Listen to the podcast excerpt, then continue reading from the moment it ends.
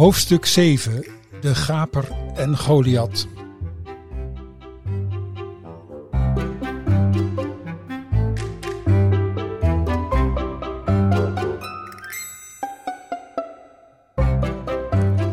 Hartje Haarlem op een ochtend in 1909. Het is gezellig druk in de stad. Waar de Kleine Houtstraat, de Lange Veerstraat en de Aanegang samenkomen, klopt het hart van de Haarlemse middenstand. Hier zijn de beste en de defstigste winkels in schoenen, laarzen en confectiekleding. Hier is op de hoek van de Korte en de Lange Veerstraat al tien jaar lang magazijn De Zon gevestigd. Het bedrijf is opgezet door enkele energieke zakenlieden, de heren Vroom en Dreesman, die ook in Amsterdam al met succes dergelijke winkels hebben geopend, samen met een manufacturenhandelaar uit Hamburg, een zekere Rozenmuller. De zaak is recentelijk verbouwd en uitgebreid. Wat een winkel! Dat is pas wat meester Allan in zijn dikke boek over Haarlem een flinke affaire noemt. Een winkel met een verkoopruimte op de eerste verdieping. Dat zie je niet veel. De architect Kleiweg Dieterink heeft zijn best gedaan en is niet bezuinigd op de gebruikte materialen. Twee jonge mannen lopen vanaf het Spaarne de korte veerstraat in. De oudste blijft even staan en bekijkt de wonde met aandachtige blikken. Anton van Os trekt zijn verstrooide broer Hak, die in gedachten verzonken door wil lopen, grinnikend aan zijn mouw. Heb je dat wel eens gezien? Hij wijst naar de in steen gehouwen mannenkoppen die de bovenkant van het hoektorentje steunen. Het schijnt dat de heren zichzelf hebben laten portretteren. Hij schudt zijn hoofd en haalt zijn schouders op. Stel je voor dat ik mijn eigen kop als gaper boven mijn deur zou hangen. Vanitas et omnium, vanitas, declareert Hak. Ze lachen en wandelen verder, de aangang in. Een klein meisje loopt bijna tegen de benen van de heren op en rent giechelend weg. Haar vriendinnetje huppelt haar achteraan. Half proestend van het lachen zingen ze een liedje. In de winkel van Sinkel is alles te koop: hoeden en petten en damescorsetten. Ze giert het uit en dan voert ze uitdagend die twee regels toe die oorspronkelijk niet in het liedje thuis horen, maar waar je de oude mensen zo lekker mee aan het schrikken kunt maken. Koekjes om te snoepen en pilletjes om te poepen. Anton ziet ze wegrennen, schaterend om hun eigen stoutigheid. Die Amsterdammers die zullen nog een keer een zaak als Sinkel beginnen, mompelt hij voor zich uit. Maar dan in het groot. Hak kijkt hem vragend aan. In het buitenland heb je dat al. Van die winkels die alles tegelijk verkopen. Nooit van gehoord? Het idee komt uit Amerika. Zoals de winkel van Sinkel in Amsterdam bedoel je? Anton zegt niets. Hij krijgt ineens een heel raar idee. Een groot magazijn waar je allemaal verschillende artikelen kunt kopen. Dus kleding, schoenen, potten, pannen, speelgoed, noem maar op. En uh, pilletjes om, vult Hak aan. Ik zie het al. De heren Vroom Dreesman die urbane spullen staan te verkopen aan de ene toonbank en japonnetjes aan de andere. Anton moet erom lachen. Maar op de een of andere manier heeft hij het gevoel dat zoiets wel degelijk werkelijkheid kan worden. Ach, hij heeft wel meer zo'n verregaande inval. En dat allemaal vanwege een schunnig straatliedje. Een jaar later schiet datzelfde liedje over de winkel van Sinkel hem ineens weer te binnen, als hij het laatste nieuws te horen krijgt. Vroom en Dreesman heeft plotseling twee winkelpanden gekocht, dat van IJzerhandel Stolp in de Grote Houtstraat en de garen- en bandwinkel van Heiligers in de Gierstraat vlakbij zijn drogisterij. Wat zijn ze van plan? Ze hebben immers al zoveel winkelruimte. Behalve de zon bezitten ze de hoek van de Anegang en de zuidkant van de Korte Veerstraat, de huizen langs het Spaarne. Wat moeten ze dan nog bij het Verwulft? Niet alleen Anton van Os heeft een vooruitziende blik, Vroom en Dreesman ook. De Grote Houtstraat is als winkelstraat in opkomst ten nadele van de Anegang en omgeving. Anton weet niet dat hem een heroïsch gevecht te wachten staat tegen een snel groeiend bedrijf. De moderne tijd zal het oude Haarlem van de kaart vegen. En de aanval is begonnen voor iemand het beseft. In 1914 koopt Vroom en Dreesman de beide panden van de beddenzaak van Bak in de Grote Houtstraat en ook de tabakswinkel De Rokende Pool, het tweede huis in de Gierstraat naast A.J. van der Piggen. De voormalige ijzerwinkel in de Grote Houtstraat en het pand van Heiligers in de Gierstraat hebben in 1911 al plaatsgemaakt voor een tweede vestiging van V&D in Haarlem. Als de zaak in september van dat jaar wordt geopend, durven de Haarlemmers aanvankelijk niet eens naar binnen. Het is veel te luxe. In 1914 wordt het hoekhuis aan de andere kant van de drogisterij aangekocht. Dat staat er nog niet eens zo lang. Er is een café ingevestigd, het Hogerhuis. De kastelein die daar rond 1900 de baas was, heet Schuitenvoerder. Hij had carrière gemaakt bij Circus Carré als de beroemde clown Auguste de Domme. De meeste door V&D gekochte panden worden aan derden verhuurd. In 1916 slokt de firma op het Verwulft de winkel met pakhuis van kruidenier Westerveld op, net als het sigarenwinkeltje van Van Dobbe. Dan blijft het een tijdje rustig. Aan het Spaarne opent Vroom en Dreesman in 1923 een futuristisch ogend warenhuis dat nog heel lang het stadsbeeld blijft ontsieren. Twee jaar later koopt Vroom en Dreesman weer een aantal panden bij het Verwulft, onder andere de boter- en eierenhandel van Cernay en het huis naast Van der Pigge, dat van buurman Van der Ham. Zowel in de Grote Houtstraat als in de Gierstraat zijn bijna alle panden tussen het Verwulft en de Paardensteeg eigendom van het warenhuis. Het pand naast Van der Pigge wordt gesloopt, net als de Rokende Pool. Van de winkels blijft alleen de parterre met etalages staan, om te gebruiken als noodwinkel, zoals V&D dat noemt. In 1926 worden ook een paar pakhuizen in de paardensteeg aangekocht. Onder de winkeliers doen wilde verhalen de ronde. Wat willen ze nou toch? De hele stad volzetten met manufacturenwinkels? Anton van Os weet al lang wat er gaat gebeuren. Zijn losse inval van een paar jaar geleden over de winkel van Sinkel blijkt een toekomstvoorspelling te zijn geweest. Maar hij heeft genoeg aan zijn hoofd. In 1926 schrijft de Kamer van Koophandel hem in als enige vennoot van drogisterij A.J. van der Pigge. Het jaar daarop overlijdt Anna van Os van der Pigge, zijn moeder, die hem altijd zo dierbaar is geweest. Meneer Dumont is een gewichtig iemand in Haarlem, want hij is de eerste die benoemd wordt door directeur der openbare werken, wat anders klinkt dan het ouderwetse stadstimmerman. In die hoedanigheid heeft hij de uitvoering in handen van de grote woningbouwprojecten die na de Eerste Wereldoorlog worden uitgevoerd.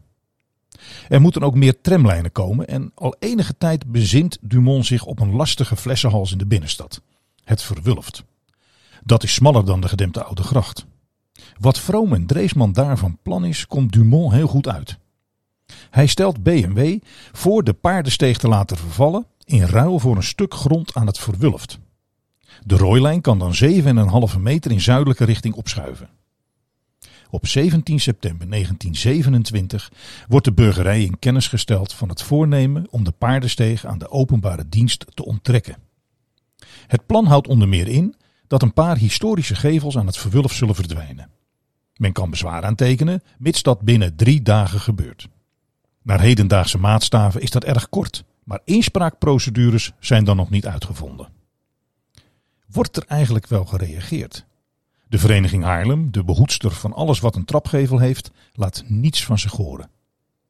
Is deze ingreep in het oude hart van de stad niet in de bestuursbeschadering ter sprake gebracht? Dat meneer Dumont toevallig in het bestuur van de vereniging zit, mag de discussie toch niet in de weg staan. We zullen het nooit weten, helaas. De secretaris van Haarlem wordt in 1940 gemobiliseerd en als goed secretaris houdt hij het notulenboek altijd bij zich. Hij neemt het in de meidagen zelfs mee naar het front alwaar de notulen van 1928 tot 1940 ten gevolge van oorlogshandelingen verloren zijn gegaan. Geprotesteerd is er wel in 1927 door twee Haarlemse ondernemers met winkels in de Grote Houtstraat. Meneer Drosten, die van de chocola, en meneer Clayer, die een stomerij heeft en zij komen in het geweer. Ze hebben hun actie terdege voorbereid. Op 1 oktober staat het alternatieve plan dat ze bij de gemeente hebben ingediend uitvoerig in het Bloemendaals Weekblad. Met een tekening die ze door twee architecten hebben laten maken. De plannen van Vrome Dreesman moeten op dat ogenblik enige mate bekend zijn geweest. Men weet dat het om een groot warenhuis gaat en dat er sprake is van een toren. Maar niemand heeft enig idee hoe dat eruit gaat zien. Gelet op het vriendelijk ogende kerkachtige gebouwtje van twee verdiepingen dat Drosten en Clayer hebben laten tekenen. De paardensteeg is in dat plan als overbouwd opgenomen, als een soort tunnel die door het warenhuis heen loopt. De naam Vroom en Reesman wordt nergens genoemd. Het protest geldt alleen voor het verdwijnen van de paardensteeg. Drost en Clayer hebben een verkeerstelling gehouden en het blijkt dat er op een doordeweekse dag maar liefst 31 kinderwagens, 16 handkarren en 4 wagens met paarden gebruik maken van de paardensteeg. Alsmede 11 auto's. Dus kan deze belangrijke verkeersader door de binnenstad volgens Drost en Clayer niet gemist worden.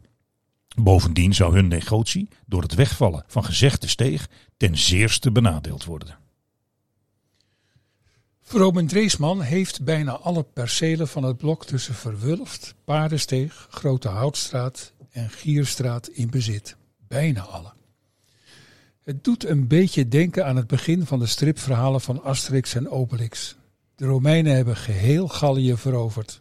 Geheel Gallië? Nee, één dorpje biedt dapper weerstand. In dit geval is dat niet, zoals iedereen verwachten zal, drogisterij A.J. van der Pigge, maar het huis op de hoek van het Verwulft en de Grote Houtstraat. Dat kost V&D veel moeite en geld. De eigenaar wil het niet verkopen en heeft ook nog een conflict met de huurder van het pand. Naast en ook achter dit hoekhuis is nog altijd de sigarenwinkel De Gekroonde Moor gevestigd van de zoveelste Jan van der Pigge. Die wil zijn winkel en het aangrenzende pandje aan het Verwulft wel verkopen, maar alleen in ruil voor de sigarenzaak van zijn concurrent aan de overkant van de Grote Houtstraat. Dat krijgt V&D voor elkaar. De gekroonde moor steekt in 1929 over naar nummer 81 en is daar sindsdien gebleven. Intussen zijn de Haarlemse gemoederen behoorlijk verhit geraakt. Niet vanwege een bouwproject in de binnenstad, dat net zo groot en ingrijpend is als in onze tijd de plannen met het terrein van drukkerij Enschede. De opwinding in 1927 geldt de paardensteeg. Waarom moet het verwuld zo nodig breder, wordt er betoogd. Dat dreigt met al die trams en die verkeersdrukte toch al der steden endeldarm te worden, zoals het Bloemendaals Weekblad het plastisch uitdrukt. Ook in de Haarlemse gemeenteraad wordt stevig gedebatteerd. De communist Peper is uiteraard tegen Vromen Dreesman als exponent van het grootkapitaal. Maar de raad stemt in met het voorstel van Dumont om tot grondruil over te gaan. De paardensteeg vervalt aan VND in ruil voor een strook verwulft. In wanhoop sturen 107 Haarlemse middenstanders, aangevuld met een paar intellectuelen, in 1928 een request aan koningin Wilhelmina. Daarin wordt letterlijk alles uit de kast getrokken, zoals het argument dat de open ruimte van de tuinen achter de af te breken panden werkt als een long die de frisse westelijke winden dat gedeelte der bebouwde stad via de botermarkt binnenvoert. Harer majesteitsminister, die de zaak op zijn bureau krijgt, ziet er niks in. En de schoonheidscommissie? Doet die niets? Nee, want die bestaat nog niet. Na heel veel verzet en tegen de wens van het college in, wordt in 1928 pas een Haarlemse schoonheidscommissie ingesteld. Burgemeesters en wethouders vinden het niet zo nodig. Want de directeur openbare werken zit toch immers in het bestuur van de vereniging Haarlem. Die houdt heus wel een oogje in het zeil. In de gemeenteraad is het vooral meneer Klein Schiphorst die fel tegen is. Zo'n commissie geeft maar oponthoud, zegt hij. Allicht, Klein Schiphorst is aannemer. Bij de bouw van V&D is ook het Haarlems bedrijf Schiphorst en Philips betrokken. Anton van Os moet in de eerste jaren na 1920 al benaderd zijn door Vroom Dreesman. Op papier wordt dat pas in 1928 zichtbaar. De herdenkingsuitgave van V&D uit 1946 ligt wel een tipje van de sluier op. Slechts het pand, waarin ook nu nog de van ouds bekende drogisterij firma van de Pigge gevestigd is, bleek niet te koop. De heer van Os ontving de heren van V&D steeds allervriendelijkst. Vond het zeer aangenaam om met hen een praatje te maken over van alles en nog wat, behalve over zijn winkelhuis. Na verschillende pogingen, waarbij het zelfs niet tot onderhandelingen kwam, was het wel duidelijk geworden dat de heer van Ost beslist voor geen enkele prijs tot verkoop wilde overgaan. Hij hield zich aan het oud-Hollands spreekwoord: beter een goede buur dan een verre vriend. De goede buur zou zijn inziens zeker wel klanten trekken, hetgeen ook zijn bedrijf slechts ten goede zou komen. Dat de heer Van Os hierin geen ongelijk had, heeft de tijd wel bewezen. De firma van de Piggen en V&D zijn zowel gedurende de bouwtijd als daarna steeds goede vrienden gebleven. Je ziet het voor je. Twee belangrijke mannen die de drogisterij binnenstappen en naar de eigenaar informeren. Anton van Os is uiterst vriendelijk, beantwoordt vragen over de verschillende oudheden die de winkel opluisteren en vraagt belangstellend naar de grootste plannen. Hij biedt de heren een dropje aan. Misschien neemt hij ze wel mee naar het magazijn en de kruidenzolder, twee ongelooflijk steile houten trappetjes op en af om tenslotte in het kantoortje een kopje koffie te gebruiken en een lekkere sigaar. De directeuren van V&D kijken elkaar eens aan. Dat komt wel goed. Die man wil natuurlijk al te graag van die ouderwetse chaos verlost worden. Dat is toch geen winkel, dat is een uitdragerij. Het kost misschien wat geld, maar het komt voor elkaar. Vriendelijk lachend nemen de heren afscheid. Hoe het afgelopen is, mag bekend verondersteld worden. Het is niet voor elkaar gekomen. In werkelijkheid gaat het anders. De heren van V&D laten zich niet verleiden tot gekissenbis. Voor het voeren van onderhandelingen gebruiken ze iemand anders. Op 2 oktober 1928 ontvangt Van Os een brief van een zekere C. Berding in Rotterdam, handelend onder de naam Centraal Woningbureau. Meneer Berding is niet zo goed bekend in Haarlem, want hij richt zijn brief aan de weledele heer A.J. van der Piggen. Hij vraagt of het pand te koop is en wil een afspraak maken. Van de brief die Van Os hem terugschrijft bestaat geen kopie. De inhoud heeft hij met potlood op Berdings brief gekrabbeld. Twee regels. Naar aanleiding van uw schrijven deed dato gisteren deel ik u mede dat het perceel Gierstra 3 niet te koop is. Berding schrijft weer een brief. Hij wil eens praten. Omdat hij de maandag erop toch in Haarlem moet zijn, komt hij wel even langs. Het onderhoud heeft plaats, maar Berding heeft er niets aan. Eind oktober schrijft Berding weer. Hij kan zich niet voorstellen dat Van Os niet wil verkopen, voor zo'n goede prijs nog wel. Bovendien, Van Os heeft een pand, nota bene bijna recht tegenover het huidige. En daar is met een kleine verbouwing toch een prachtige winkel van te maken. Hij krijgt geen antwoord. Veertien dagen later kondigt hij aan opnieuw bij Van Os langs te komen. Dat heeft hij gedaan. Want op 21 november stuurt hij een contractje op met de vraag of Van Os dat even tekent. Het houdt in dat Van Os aan Berding, indien deze bemiddelt bij verkoop van de drogisterij, een provisie van 1% over de koopsom zal betalen. Gaat Van Os niet akkoord, dan heeft Berding geen interesse meer. Anton van Os schrijft meteen terug. De inhoud van uw schrijven heeft mij buitengewoon bevreemd. Berding moet nu toch wel begrepen hebben dat hij niet wil verkopen. Er wordt een maand lang niets meer vernomen van Centraal Woningbureau C. Berding. Maar op 31 december komt er weer een brief. Hij bevestigt dat Van Os nooit een voorstel tot verkoop heeft gedaan. Toch hoopt hij in het nieuwe jaar nog eens te komen praten. Op 13 februari 1929 schrijft hij weer en vraagt of Van Os wil laten weten wanneer het schikt. Er gaat een tijdje overheen, maar uiteindelijk wordt er weer gepraat, op 11 maart. Hoe het gesprek verlopen is, weet niemand. Eind maart schrijft Berding weer. Nee, hij treedt niet namens V&D op en er wordt ook niet door de firma betaald. Laat Van Os nu toch even dat contractje over die 1% tekenen, dan kan hij een zeer goede prijs voor het pand krijgen. Van Os schrijft een brief terug. Die is bewaard in de vorm van een met de hand geschreven kladje, ditmaal drie regels. Van Os verwijst naar de brief van 23 november 1928. Op 19 april krijgt Van Os weer een brief van Berding. Het is hem bekend dat de directie van Vroom Dreesman inmiddels in persoon bij Van Os langs geweest is.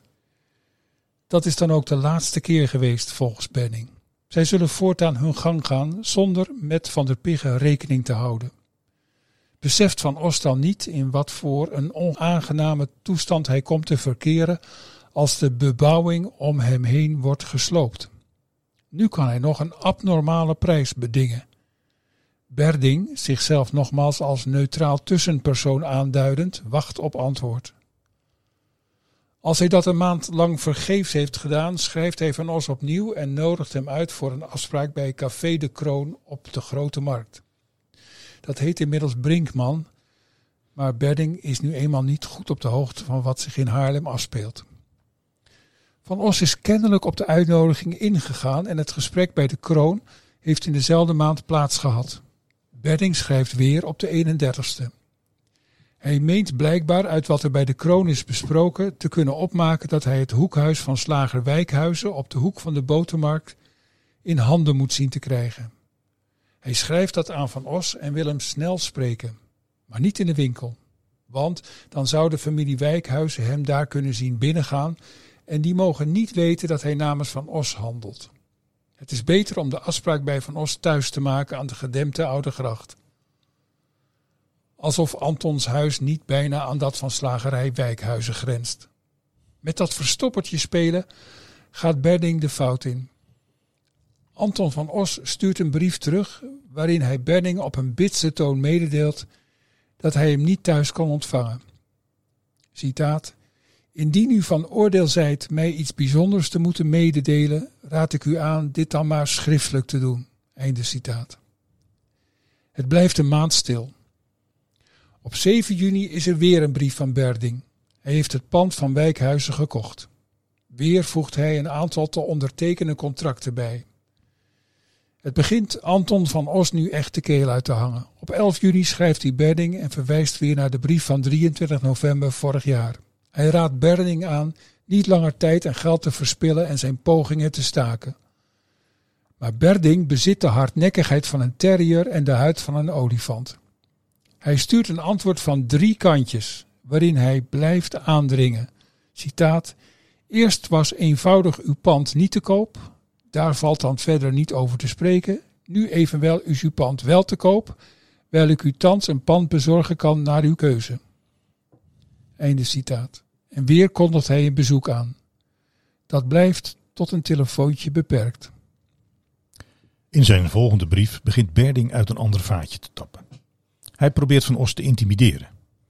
Nu ik met grote moeite het pand van de heer Wijkhuis in handen heb kunnen krijgen, zou ik het toch wel ten zeerste betreuren indien ik nu u niet zou kunnen overhalen om mij uw pand Gierstraat 3 voor een vast bedrag voor enige weken in handen te geven, opdat de commissarissen van de koopster over de koopsom zullen kunnen beslissen.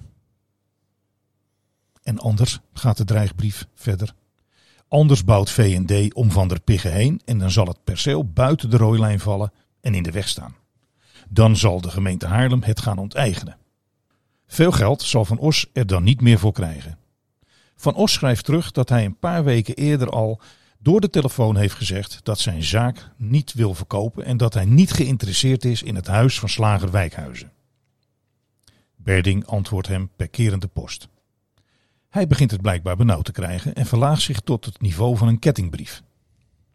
Het is wel meer voorgekomen dat een huiseigenaar halstarrig bleef weigeren, net zolang tot de kans verkeken was op een mooie prijs. Als hij weer geen antwoord krijgt, probeert hij een vuile truc uit te halen. Hij schrijft niet aan Van Os, maar aan mevrouw de weduwe A. van Os, geboren van der Pigge. Hij doet zijn beklag over de weigerachtigheid van haar zoon, die ongetwijfeld in moeilijkheden zal raken als zij niet ingaat op een verstandig aanbod. Met deze slinkse manoeuvre maakt meneer Berding zijn laatste en dit keer absoluut dodelijke fout. Hij schrijft de oude dame op 19 juli 1929. Anna Antonia van Os van der Pigge is dan al twee jaar dood. In de zomer van 1930 beleeft de oude drogisterij inderdaad spannende dagen. Het pand komt voor het eerst los te staan, zonder de steun van andere bebouwing. Op 1 augustus gaat Van Os onder voorwaarden akkoord met het aanbrengen van stutten, naar aanwijzing van de Amsterdamse architect Jan Kuit, de ontwerper van het warenhuis. Of het is een ongelooflijk toeval, of Antons engelbewaarder heeft er de hand in, maar Kuit is een zeer goede vriend van Anton van Os. Op foto's is te zien hoe de aannemer zware balken heeft aangebracht om het oude pand te stutten. Bovendien zijn er gaten gehakt in de muren van de kelder waar kettingen doorheen lopen. Daar worden stroppen van staalkabel aan bevestigd, waarmee het pand als in een korset wordt ingesnoerd. Alles lijkt goed te gaan. Een jaar later, in mei 1931, maakt Van Os melding van het ontstaan van scheuren in de voorgevel. Ook een schuifraam gaat niet meer open. Blijkbaar wordt het niet erger. Een geluk is dat het winkelpaleis niet onderheid hoeft te worden. Het komt op dezelfde solide zandrug te staan die ook de grote kerk draagt. Ook zeer solide is het bord dat C. Berding voor de kop heeft. Zich blijkbaar niet bewust van zijn laatste blunder, schrijft hij eind augustus een boze brief aan Van Os.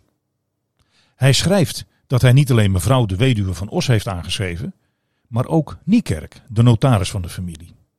Daar bereikt Berding alleen maar mee dat er een getuige is van zijn stommiteiten. Ofschoon hij geen antwoord meer krijgt, schrijft Berding nog negen brieven aan Van Os. De laatste is gedateerd op 6 juni 1933. Wat Berding dan nog bezielt is een raadsel, want Vroom Dreesman is inmiddels al om de drooggisterij heen gebouwd. Een jaar later wordt het warenhuis feestelijk geopend. De combinatie Vroom Dreesman van der Pigge levert een plaatje op dat zelfs de buitenlandse pers haalt. In één geval komt de aandacht van een verkeerde zijde. De Nationaal-Socialistische Deutsche Zeitung in de Nederlanden. Een krant voor Duitse soldaten in bezet gebied plaatst op 18 december 1943 een artikel onder de kop Alt-Holland neben New York. Die Nederlanden unter der Einfluss des Amerikanismus. Met een foto die als onderschrift heeft Das almachtige kapitaal könnte es zich leisten. Einen Kleinbürger, der sein Haus ein sein Grundstück nicht hergeben wollte. Von allen Seiten zuzubauen und einzuengen. Ook na de oorlog zullen Klein Duimpje en de Reus nog aanleiding geven tot merkwaardige commentaren.